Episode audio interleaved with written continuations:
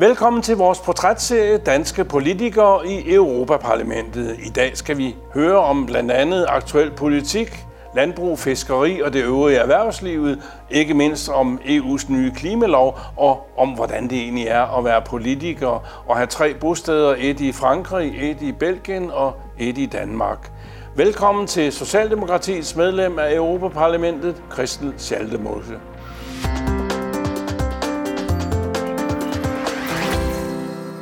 Velkommen til, Christel Schaldemose fra Socialdemokraterne. Tak. Du er chefforhandler i parlamentet på Digital Services Act. Hvad er det for noget? Det lyder måske forholdsvis teknisk, men det er meget simpelt. Vi er ved at lave en lovgivning, som skal regulere platformene Facebook og øh, App Store og øh, øh Booking.com og alle de der, som vi bruger i vores øh, hverdag, som vi jo virkelig er rigtig glade for at bruge, og derfor er de blevet kæmpe store. Øh, der er brug for regulering. Den regulering, vi har overfor dem i dag, den er fra år 2000. Facebook blev lavet i år 2004, så man kan næsten sige sig selv, at en lovgivning, der er lavet før, at de var store, trænger til at blive revideret. Og det er vi så i gang med. Og det vi prøver at gøre, det er at give brugerne af platformene nogle bedre øh, rettigheder over for platformene, men så skal vi også sørge for at skabe en jeg plejer at kalde det en rulebook på engelsk, men altså nogle færdselsregler for, hvordan øh, de her platforme kan få lov at agere. De har så stor indflydelse på konkurrencesituationen for virksomhederne, for vores demokrati osv. Så det er rigtig vigtigt, at vi får stillet nogle nye krav til dem. Vi har jo hørt med den her whistleblower fra Facebook om, øh, hvorfor færdelige ting øh, Facebook rent faktisk gør. Øh, altså, de ved en hel masse om, hvor, øh, hvor, hvordan deres algoritmer, altså den måde, de styrer øh, de anbefalinger, vi får på Facebook osv., hvordan de virker på os som mennesker. Øh, og alligevel, selvom de ved, at det kan virke negativt, for eksempel over for unge kvinder på Instagram, så bliver de ved med at bruge de her algoritmer på en bestemt måde, selvom det skader unge kvinders øh, mentale helbred. Det er ikke i orden.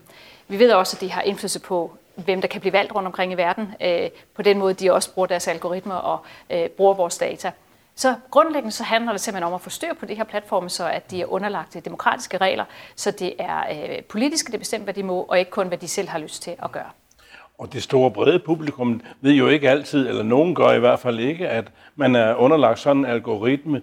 Øh, Facebook ved, øh, hvilke vaner man har, hvilke favoritter man har, og så fodrer de en med reklamer og med PR i alle mulige retninger, der lige er målrettet den profil, man har fået på Facebook, for eksempel. Præcis, og det er faktisk også en del af vores diskussion. Men de færreste er egentlig klar over det. Hver eneste gang, du klikker eller melder dig ind i en gruppe, øh, eller øh, ja, altså liker eller disliker, eller gør et eller andet, søger på et eller andet, så øh, registrerer det dig.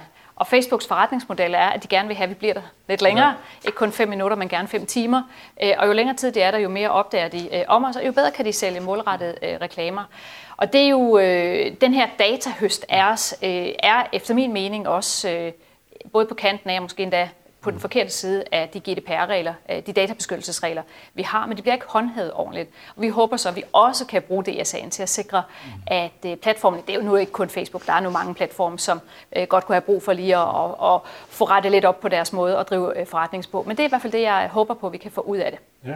Og jeg skal da ønske dig tillykke med chefforhandlerposten. Det er da en stor stilling, du har fået, og du er blandt de travleste danske EU-politikere.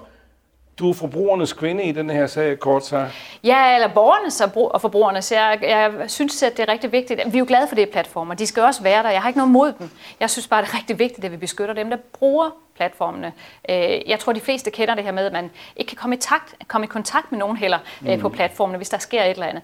Jeg øh, prøver at sætte nogle rammer op for at, at, at beskytte os alle sammen en smule bedre, men ikke mindst beskytte vores samfund mod de negative sider. Mm. Noget af det, som Facebook blandt andet gør, det er, at de som sagt gerne vil have, at vi bliver der lidt længere på platformen. Og derfor har de valgt at sige, at det tæller mere Altså, det, man, giver, man giver typer point på indhold. Og det indhold, der sådan gør os vrede og sure og får følelserne op i os, øh, det meget polariserede indhold, det får flere point end det, der er hyggeligt og godt og rart osv. Så, videre. så øh, altså negativt indhold får typisk, jeg tror, hun sagde fem point, og det gode får et, et point. Mm. Øh, og jo flere point det får, jo mere bliver det sendt rundt til os. Så de er faktisk også, øh, de er også med til at skabe en polarisering i vores samfund. Den synes jeg ikke, vi har brug for at få polariseret mere. Polariseret mere. Der, vi forvejen har vi masser af vrede og frustrationer, irritationer og alt muligt. Øh, jeg håber, at øh, de her platforme kan være med til også at skabe et mere stabilt og godt demokrati. Det håber I. EU har en meget ambitiøs klimalov. Vi nedsætter CO2-udslippet. Først var det med 39 procent inden år 2030. Nu er vi oppe på 55 procent. Ja, altså, hvor, hvor, hvor meget kan bukserne bære? Øh, hvor store ambitioner skal vi have på klimaområdet, Christel? Ja, altså vi har jo i Danmark øh, endnu større ambitioner. Der siger vi, øh, at vi skal have reduceret vores CO2-udledning med 70 procent, når vi når frem til 2030. Men i Europa, der har vi sagt 55 plus. Det vil sige, at der er en åbning øh, over for, at vi kan nå endnu længere. Men jeg tror, at altså jeg kunne godt have tænkt mig, at det var mere ambitiøst. Øh, og det tror jeg også, det skal være, hvis vi skal nå op på øh, vores øh, løfter fra Paris øh, klimakonferencen i 2015. Men vi er i gang. Så jeg har valgt at se det her som at glasset er halvt fyldt. Det er godt, vi er kommet i gang. Vi har nogle lande i EU, som slet ikke har øh, været øh, påbegyndt den her grønne omstilling, som kun bruger kul, og som slet ikke har begyndt at energirenovere huse eller, eller noget som helst for dem kommer det her til at betyde rigtig, rigtig meget. Vi andre, som har været i gang siden 1970'erne, da vi havde vores energikriser, for os, vi er jo godt i gang. Vi er allerede nået et pænt stykke. Men det er et ambitiøst øh, målsætning for EU som helhed. Vi skal også levere på den, og det kommer til at kunne mærkes. Men det er jo vigtigt, øh, hvis, øh, hvis ikke EU skal levere og gå i forvejen, hvem skal så gå i forvejen? Så ligesom at Danmark i en EU-kontekst er et forbillede på klimaområdet, så håber jeg, at EU kan være et forbillede for hele verden, så vi kan få hele verden med til at få lavet den her helt nødvendige grønne omstilling. Og i en af dine resultater, som man kan læse om øh, i EU, du har været der 12 år? Ja, 15. Og 15 nu, ja. ja det, er. Øh, det er jo, at du er også indblandet i dem, der skal holde øje med, med, med bilproducenterne, at de ikke snyder med, med CO2-udledning og deres, øh, deres, øh, i deres nye bilproduktioner. Øh, hvor, hvor langt er vi kommet der? Ja, det er også en af de ting, jeg har siddet og arbejdet med. På et tidspunkt havde vi noget, vi kaldte Dieselgate-skandalen. Det var øh, folkevogn. En pendant til Watergate. Ja, lige præcis, lige præcis. Alt det her, når det er en skandale, så begynder man at kalde ja. det en gate, ikke også? Ja. Men, men øh, vi, vi havde en situation, hvor øh, folkevogn over i USA øh, blev opdaget i at snyde med øh, udledning af deres biler. Ja. Det er der formodentlig en hel masse andre firmaer, der også har gjort, mm-hmm. men Folkevogn er den eneste, der har indrømmet det. Det satte gang i et undersøgelsesarbejde i Europaparlamentet, fordi vi finder ud af, hvorfor var det, det var amerikanerne, der fandt ud af det, og ikke os selv i Europa, der fandt ud af det, når nu Folkevogn er fra Europa. Så vi lavede et undersøgelsesudvalg, og ud af det kom der også et ønske om, at vi ville have en ny lovgivning. EU-kommissionen kom så med et lovforslag, som jeg var øh, forhandler på vegne af Socialdemokraterne af øh, omkring det her. Og der har vi strammet gevaldigt op på øh, kravene til bilindustrien. De må ikke udlede nær så meget. Øh, der skal langt mere kontrol, og vi stoler jo ikke på, at Tyskland øh, tjekker folkevogn, eller at Italien tjekker øh, Fiat, så vi har sørget for, de skal stadigvæk tjekke det, men vi har sørget for, at vi har bygget en overbygning til den her kontrol. Så nu skal EU-kommissionen kontrollere, at kontrollen er i orden. Og der bliver større bøder, som de kan mærke, der bøder. Ja, og det er jo noget af det, altså det er så meget, egentlig er den amerikanske tankegang, det her mm. med, at øh, bødestørrelsen, straffen skal være så høj og voldsom, så man øh, at det nærmest afskrækker dem fra at begå noget ulovligt. Det er vi begyndt på i Europa også, fordi at vi tror, det er det, der skal til, for at de her store firmaer kommer til at, øh, at rette ind. Men, øh, men jeg vil sige, at det, der er sket, det er, at bilindustrien har været ekstremt langsom i Europa. De har sløvet vores grønne omstilling. De har ikke ønsket at komme i gang med den. Øh, så de er faktisk skyld i, at, øh, at vores grønne omstilling i forhold til bilerne er, er blevet så sløv. At vi har selvfølgelig også politisk et ansvar. Men nu har vi sat nogle nye strammer og regler. Det har vi været med til, og jeg er rigtig glad for, at vi har gjort det. Det er helt afgørende nødvendigt. Det kan så være, at det ender med at måske ikke at have den store effekt, fordi vi jo så parallelt med det heldigvis er kommet i gang med den her udskiftning af vores bilpark fra biler, der øh, har en forbrændingsmotor til biler, der kører på, på strøm. Og vi har vel egentlig en tilsvarende problematik, hvis vi kigger på noget øh, så aktuelt som dansk landbrug eller EU's landbrug. Altså, der er jo også mange traditionelle kræfter, der gerne vil bevare landbrug, som det er. Men skal vi nå øh, at blive klimaneutrale i EU i, i år 2050, så skal der vel gang i øh, den mindre øh, kvægeproduktion og den større animal, eller hvad hedder det, øh, planteproduktion. Ja, altså, der er ikke nogen tvivl om, at landbruget også skal spille en rolle i den grønne omstilling. De udleder meget, øh, og, og derfor skal de også bidrage. Og der er nok ikke nogen tvivl om, at vi alle sammen hen ad vejen kommer til at spise lidt mindre øh, kød, end det vi, vi gør øh, i dag. Men, men øh, heldigvis har vi også fået skubbet landbruget i gang med den her grønne omstilling. De har øh, hoppet med på den, de har accepteret det her. Vi har lavet en ny reform af landbruget øh, i Europa, som lige er stemt igennem, hvor vi kommer til at stille øh, nogle nye og meget skrappe krav til, til det europæiske landbrug, øh, så vi også kan få gang i den her omstilling. Så øh, de, de skal, ligesom at vi har brug for transportsektoren, altså øh, bilerne og lastbilerne, flyene, øh, ligesom vi har brug for, at, øh, enhver form for industri, industri, men også at vi som enkeltborgere øh, bidrager til den grønne omstilling, så skal landbruget selvfølgelig også. Og det kommer de så også til nu. Ja. Og kigger vi på fiskeriet, et andet stort øh, dansk øh, erhverv, så, så øh, har jeg næsten lyst til at spørge, er den hellige grav velforvaret, når de nu går i øh, samarbejde med Dansk Naturfredningsforening? Det, det gør vel ikke øh, fiskeproduktionen renere i, i, i princippet? Nej, men jeg, jeg bliver glad, når jeg hører sådan et samarbejde, de har sat gang i. Jeg synes, at det indikerer, øh, altså når, når Danmarks Naturfredningsforening og Dansk Fiskeri kan, kan slå sig sammen, så er det fordi, de har jo grundlæggende set den samme interesse netop at sørge for, at, at havmiljøet øh, ikke er ødelagt. At vi har brug for, altså hvis, hvis der skal være fisk, så skal der også være et sundt havmiljø. Så skal der ikke være overfiskeri. Og det er en interesse, både Danmarks Naturfredningsforening og fiskerne har. Og jeg synes, det er rigtig godt, at de er gået sammen og kommet med nogle forslag til, hvad man kan gøre. Vi har virkelig brug for også at få kigget på vores øh, have øh, og, øh, og fiskeriet. Men, men det er klart, at, at dansk fiskeri er jo pænt hårdt ramt lige i den her tid her, fordi følgerne af det, at britterne har forladt det europæiske fællesskab, altså EU, Brexit, øh, har haft en stor betydning også for danske fiskere. Og øh, vi ved også, at hver gang man skal kigge på kvoter, øh, torskekvoter eller fiskekvoter i almindelighed, så bliver der også skåret ned. Så fiskerierhvervet er øh, virkelig øh, hårdt ramt. Øh, så, så jeg tror ikke, vi kommer udenom øh, at kompensere dem også for, for hvad der sker. Øh, men de har også en interesse i at og bidrage til at sikre den her grønne omstilling. Så i samarbejde, jeg er, jeg er socialdemokrat, jeg står midt i det politiske spektrum. Jeg er stor tilhænger af, at vi finder løsninger sammen med hinanden. Men kan jeg oversætte det her til, at du tror, at dansk fiskeri alligevel får en fremtid, selvom der både er problemer i det britiske farvand, hvor vi plejer at fiske to tredjedel af vores danske fangster, og i Østersøen er der også ved at være lukket helt af for, for dansk fiskeri. Kompensation, siger du, men erhverv skal vel overleve, trods alt? Ja, det håber jeg virkelig, det kan. Altså det, når jeg siger kompensation, så er det fordi, at øh, vi formodentlig kommer til at betale nogle fiskere for at, at stoppe med at være fiskere. Øh, øh, men, men jeg vil jo ønske, og jeg håber, at erhvervet kan overleve. Øh, fisk er faktisk også en del af løsningen på den grønne omstilling. Hvis vi skal gå væk fra at spise kød, så vil det måske være bedre at spise fisk, som ikke har den helt samme øh, belastning på, øh, på, øh, på klimaet. Øh, og det er jo da også super sundt at spise fisk. Så vi har meget brug for det. Vi er også en fiskerination. Når man ser Danmark, så er der jo hav stort set hele vejen rundt om os. Øh, det er også en del af vores identitet. Så jeg håber, vi kan fastholde øh, et fiskeri i Danmark. Men det er klart, at vi skal arbejde på sammen med hele Europa, at det bliver mere bæredygtigt. Og noget af det, som jeg synes er en kæmpe stor udfordring for fiskeriet i Europa, det er de her kæmpe, kæmpe, kæmpe industrielle uh, trawlere, som ofte kommer ned fra Middelhavet og andre ja. steder uh, og fisker her, som får betydning for det mere uh, kystnære mm. fiskeri. Så jeg håber, vi kan finde nogle balancer. Jeg har meget, meget stor respekt for erhvervet. Så lad os gå lidt op i helikopteren. Kan dansk erhverv og industri i det hele taget udvikle sig konkurrencedygtigt med de nye øh, klimamål? Jeg tror faktisk, at lige præcis dansk øh, erhvervsliv øh, og dansk industri er super gode til øh, at omstille sig. Vi har jo altid haft høje lønninger i Danmark. Det er vi jo stolte af, for det betyder, når man, øh, selvom man ikke har en høj uddannelse, men man har et arbejde, så kan man stadigvæk leve øh, et nogenlunde godt liv. Øh, men det betyder, at vi altid har været meget følsomme for konkurrencen, og derfor har dansk øh, erhverv, øh, dansk industri, være rigtig gode til at bruge øh, automatisering og, og, og virkelig være opmærksom på omkostningsniveauerne og genbrug og genanvende osv. Det er sådan nogle øh, værdier og en måde at arbejde på, som er rigtig god også i en grøn omstilling. Plus at vi i øvrigt har nogle kæmpe store industrier, altså vi har Grundfos og Danfoss og Vestas og så videre, som producerer grønne løsninger. Så jeg har meget, meget stor øh, forventning til det danske erhvervsliv og danske industri til, at de kan klare sig.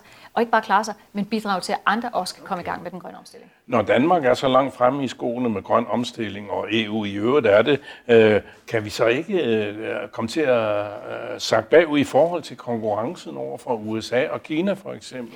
Det er jo altid, jamen det er jo altid det, der hele tiden, altså den her balancegang mellem, at man på den ene side forhåbentlig øh, kan finde nogle gode modeller og måder og teknologier, som man kan udvikle på den anden side. Når man så gør det, øh, bliver man så ikke for, altså, så koster det også penge at lave den her udvikling. Men jeg synes nu egentlig, at vi gør det øh, godt øh, i Europa og især i Danmark.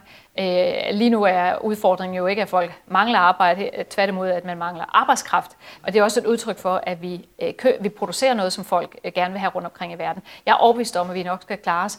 Jeg tror, at vores fornemmeste opgave i Danmark og i Europa, det er udover selvfølgelig helt konkret at bidrage til en reduktion af CO2, det er også at vise resten af verden, de helt store udledere, amerikanerne for, og kineserne for eksempel, at man kan godt fastholde velfærd, selvom at man skal omstille sin måde øh, at producere på og leve på. Det er rigtig, rigtig vigtigt. Det handler om, at vi gør det på den rigtige måde velfærd og høje lønninger i Danmark. Det var lige kodeord til, til mit næste emne.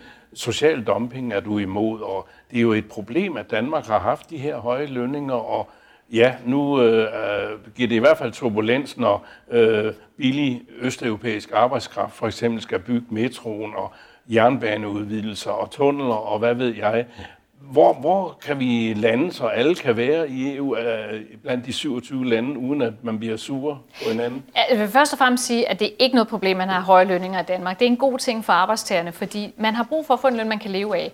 Hvis du sammenligner med andre dele af Europa, tag for eksempel Tyskland, så har man et begreb, hvor man kalder working poor, hvor mm. du har folk, der har arbejde, måske endda, altså fuldtidsarbejde, måske endda to arbejder, og alligevel får de så dårlig en løn, så de har svært ved at få tingene til mm. at løbe rundt. Det er jo ikke rimeligt, de skal ned og have fødevarehjælp osv. for det offentlige. Det har vi heldigvis ikke i Danmark. Det, der er vigtigt, det er at sige, hvis man kommer og skal arbejde i Danmark, og vi har meget brug for udenlandsk arbejdskraft, mm. så skal man altså komme her, og så skal man arbejde på danske løn- og ansættelsesvilkår, så man konkurrerer på en færre måde. Og det er det, jeg har været meget optaget af at prøve at være med til at sikre en ordentlig balance i det her. Folk er yderst velkommen, men man skal selvfølgelig leve efter danske overenskomster, ellers udkonkurrerer man øh, danske arbejdstager. Det synes jeg ikke, vi skal. Men kan vi komme øh, af med problemet med, at øh, nogen... Øh øh, vognmandsfirmaer, de ansætter øh, romaner til 5 kroner i timen, for de går nærmest for lud og koldt vand og kører lastbiler og laver mærkelige arbejdsopgaver. Ja, altså der var jo øh, Kurt Beyer-sagen øh, fra, øh, fra Padborg, som var forfærdelig. Øh, jeg tror, at den sag var med til øh, også at få myndighederne til at åbne øjnene op for at få tjekket øh, meget ekstra. Fagbevægelsen havde jo forvejen gjort opmærksom på, at der var store problemer. Men det, der er rigtig, rigtig vigtigt, det er, at vi alle sammen er opmærksom på, hvad det er for nogle altså, når vi, ja, måske ikke dig og mig, det kan være svært, når man køber en pakke og bestiller noget transport og vide, om, om det er en ordentlig transport, men vi har i hvert fald brug for som samfund at have, sikre vores fagbevægelse, og vores myndigheder kan tjekke efter, at folk er her og arbejder her på ordentlige vilkår. Det, der skete dernede i Padborg, var jo fuldstændig uacceptabelt. Og det, der, det, der faktisk skete, det var, at polakkerne havde importeret arbejdskraft fra Filippinerne, øh, i øvrigt mod lovning af en bedre løn, og så kommer de, og så viser sig, at de får en rigtig dårlig løn og bor under kummerlige forhold. Det er jo ikke rimeligt, og det burde ikke finde sted, hverken i Danmark eller i EU. Og det prøver vi at bekæmpe. Vi har forskellige lovgivninger, men, men vi har altså også brug for både en stærk fagbevægelse og en stærk øh, myndighedskontrol med det her. Vi skal ikke finde os i det. Jeg husker fra et tidligere tv-portræt af en, en parlamentariker, din øh, partikollega Marianne Vendt sige, at ingen, EU skal ikke pille ved vores øh, overenskomstresultater, og mindstelønnen, øh, skal den være fortsat dansk, og så, øh, eller hvad? Hvordan skal fremtiden være? Ja, vi arbejder, vi, har, vi er lidt udfordret lige nu, øh, og, og det er sådan lidt en, en skør, eller ikke en skør sag, en meget bekymrende sag, men sagen er, at der er rigtig mange i Europa, som ikke kan få en løn de kan leve af. Øh, de er så presset og har en meget, meget lav mindsteløn. Øh, og så øh, har en del af mine socialdemokratiske kollegaer fra resten af Europa sagt, jamen kan vi så ikke lave en europæisk løn, mindsteløn, som løfter mm. dem op? Og, og det har vi ligesom sagt, det vil vi, I må gerne sætte jeres mindstelønninger op per lov. I må bare ikke røre vores arbejdsmarkedsmodel, for den har været super god og skabt et velfærdssamfund øh, i, i de her næsten halvandet år, eller i hvert fald siden vi fik hovedaftalen i 1899, har vi haft et velfungerende arbejdsmarked øh, i Danmark, hvor arbejdstager og arbejdsgiver sammen har forhandlet overenskomst, og, altså lønnen. Det vil vi ikke have, at EU skal blande sig i. Øh, men det ser lidt sort ud lige nu. Øh, jeg har meget forståelse for, at de gerne vil have det, men de burde så forstå, at så måtte man lave en adskillelse og sige, det må de gøre, og så må vi holde fast i vores måde at gøre det på i Danmark øh, og Sverige. Men en kamp, vi ikke er færdige med, men en kamp, vi kæmper hver evig eneste dag. Den er ekstremt vigtig for os. Jeg har lyst til også at høre dig, hvor står du henne øh, i dag med EU's grænser og asylflygtningepolitik? Det er også vigtige emner, som, som man skal forholde sig til nu om dagen. Ja. Altså, der findes øh, rigtig store udfordringer med migration rundt omkring i verden. Vi, vi lever i, et rigt, øh, i en rig del af verden, og det gør, at rigtig mange af dem, der lever en kummerlig tilværelse, øh, hvor de ikke får en ordentlig løn og, og, og så videre, så videre, selvfølgelig gerne vil til Europa øh, og bo og prøve at arbejde. Men det kan vi, øh, det, vi kan ikke honorere alle folks ønsker om at ville bo øh, i Europa. Og derfor så tror jeg, vi har brug for i fællesskab i EU at få styr på de ydre grænser og sikre, øh, at øh, de problemer, der er med migration, skal løses uden for Europa, ikke i Europa. Mm. Så vi har brug for, at vi sammen beskytter vores ydre grænser. Øh, det er klart, at hvis der er kvalificeret arbejdskraft uden for Europa, øh, og der er brug for det i Europa, så skal man selvfølgelig kunne komme ind, men det findes der jo allerede i dag ordninger med. Men jeg tror, vi har brug for at sikre en ordentlig beskyttelse af vores ydre grænser. Og så skal vi selvfølgelig hjælpe Vi skal hjælpe på det afrikanske kontinent, så folk der kan få en bedre tilværelse, som gør, at de måske i mindre grad har lyst til at, at bevæge sig mod Europa. Og så skal vi så prøve også, og det er svært, det påstår ikke, det er nemt, men vi skal også gøre en indsats for at hjælpe til med at få løst de konflikter rundt omkring, som fører til krige og som fører til egentlige øh, flygtningestrømme. Og, og, og, der, og der tror jeg, vi har brug for at gøre noget mere i EU-fællesskabet for at hjælpe øh, i regioner rundt omkring i verden. Christel Schaldemose, det ser grimt ud, når når der er pigtråd øh, i Polen og Ungarn. Ikke bare over mod Hvide Rusland, men de har... Øh, ja, lad os nu tage de to lande som eksempler. Ikke? Altså, de vil gerne, øh, de vil gerne være med i EU og, og have de, de gode love, som kan passe til deres øh, temperamenter. Men det, som ikke passer, abortlovgivningen for eksempel i Polen, øh, den europæiske øh, tendens der, det vil de ikke have. Ender vi med et A- og B-medlemskab af EU, for at sige det kort? Det håber jeg ikke. men jeg vil godt sige, at det, med, det de gør med de ydre grænser, det er helt legitimt. Hvis ikke vi beskytter vores ydre grænser, så kan vi ikke styre, hvor mange der kommer ind og hvem der kommer ind i EU. Så jeg synes, det er i orden, at man har en grænsebeskyttelse. Men jeg er dybt bekymret generelt for udviklingen i retsstaten i Polen mm. og for den sags skyld også i Ungarn. Og det er bekymrende for kvindernes rettigheder for eksempel, men i det hele taget meget bekymrende, at øh, at de på den måde øh, ikke accepterer de fællesskabsregler, øh, vi har. Øh, jeg håber ikke, vi får et A- og et B-medlemskab. Øh, jeg håber, at vi finder en vej til at få presset polakkerne og ungarerne til at efterleve vores regler. Og hvis ikke, så skal de ikke have vores penge. Men vi har heldigvis vedtaget nogle nye regler, som gør det lidt nemmere at presse dem lidt på pengepunkt. Det hedder en øh, retsstatsmekanisme, eller meget teknisk, men det handler simpelthen om, at hvis ikke øh, de overholder øh, retsstatsprincipperne, så skal vi kunne presse dem på pengepunkt, og det synes jeg er vigtigt at gøre. Men spørgsmålet er, om EU er ved at gå for langt med restriktioner over for asylsøgere og flygtninge. Og jeg vil give det eksempel, at øh, Danmark, hele Vesteuropa, skriger på kvalificeret arbejdskraft, men man ser alligevel hver dag i aviserne, at højt uddannede udefra, læger, forskere, ingeniører osv., de har så uendelig svært ved at, at få opholdstilladelse, ikke bare i Danmark, men i resten af EU. Og det bør, det bør EU også, eller det bør det enkelte medlemsland også øh, kigge på. Ja. Men der er ikke noget, der tyder på, at de mennesker, der står på den ydre grænse til EU, øh, har de kompetencer, som vi har brug for i EU. Øh, hvis det var så, tror jeg faktisk, at der var lidt større villighed til at tage dem ind. Mange af dem, der kommer, er folk, der ikke har nogen uddannelse, eller har en meget lav uddannelse, og som har svært ved kulturelt også at tilpasse sig øh, det europæiske fællesskab. Altså vores løsning på vores øh, arbejdskraftsmangel handler ikke øh, om øh, bare at åbne vores ydre grænser. Jeg tror, vi har brug for at kontrollere det her. Jeg tror simpelthen ikke, at øh, folk gør sig begreb om. Man har lavet undersøgelser i Afrika blandt øh, unge mennesker, og 50 procent, jeg læste det et par år siden, der en undersøgelse, hvor man har spurgt et sted i, i Afrika, og 50 procent af de unge i det land havde en drøm om at komme til øh, at bo øh, i, øh, i Europa. Og i Afrika er det simpelthen sådan, at når vi når frem til år 2050, i øvrigt det, hvor vi skal være CO2-neutrale i Europa, der øh, vil øh, øh Afrika, Afrikas befolkning være fordoblet.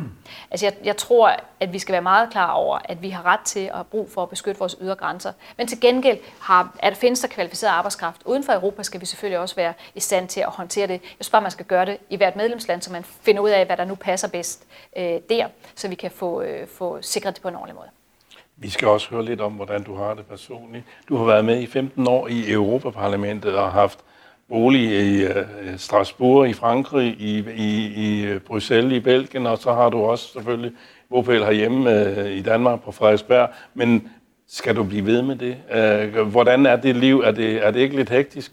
Jo, altså øh, man rejser forfærdeligt meget, øh, og øh, når et fly er forsinket, så kan det ødelægge hele dagen øh, og så videre. Men, men jeg holder virkelig meget af det. Jeg holder af at være politiker og være med til at prøve at gøre en forskel. Og det, der er i Europaparlamentet, er, at jo længere tid man er der, jo, jo mere indflydelse får man, og det har jeg også personligt oplevet. Så i virkeligheden er det først, når man begynder at være en erfaren rotte, at man for alvor kan øve indflydelse. Så så længe vælgerne har lyst til, at, at, at jeg skal sidde der, så har jeg planer om at, at blive ved. Jeg er ikke mhm. træt endnu, og mine unger er jo også flyttet hjemmefra osv., så, videre, så jeg har fået tid. Øh, og min mand, han synes, det er fantastisk at have lov at køre med mig en gang imellem. Jeg nyder det, jeg kan rigtig godt lide det arbejde, der er øh, i Europaparlamentet, ikke mindst det politiske, og være med til at gøre en forskel for helt almindelige mennesker i, i vores øh, allesammens hverdag, ved at beskytte dem mod farlige stoffer, øh, beskytte vores miljø, sørge for, at de har bedre øh, de bedre beskyttet, beskyttet som forbrugere, være med til at lave den her vigtige øh, digitale og øh, klimamæssige omstilling. Der er simpelthen så mange opgaver, og vi er på ingen måde i mål endnu. Jeg har virkelig stadigvæk energi til og lyst til, at, og nu har jeg faktisk også indflydelse til at kunne være med til at ændre på noget af det. I vores portrætserie Danske politikere i Europaparlamentet talte vi i dag med Christel Schaldemose fra Socialdemokratiet. Vi er tilbage med tre andre portrætter senere. Tak for nu og på gensyn. you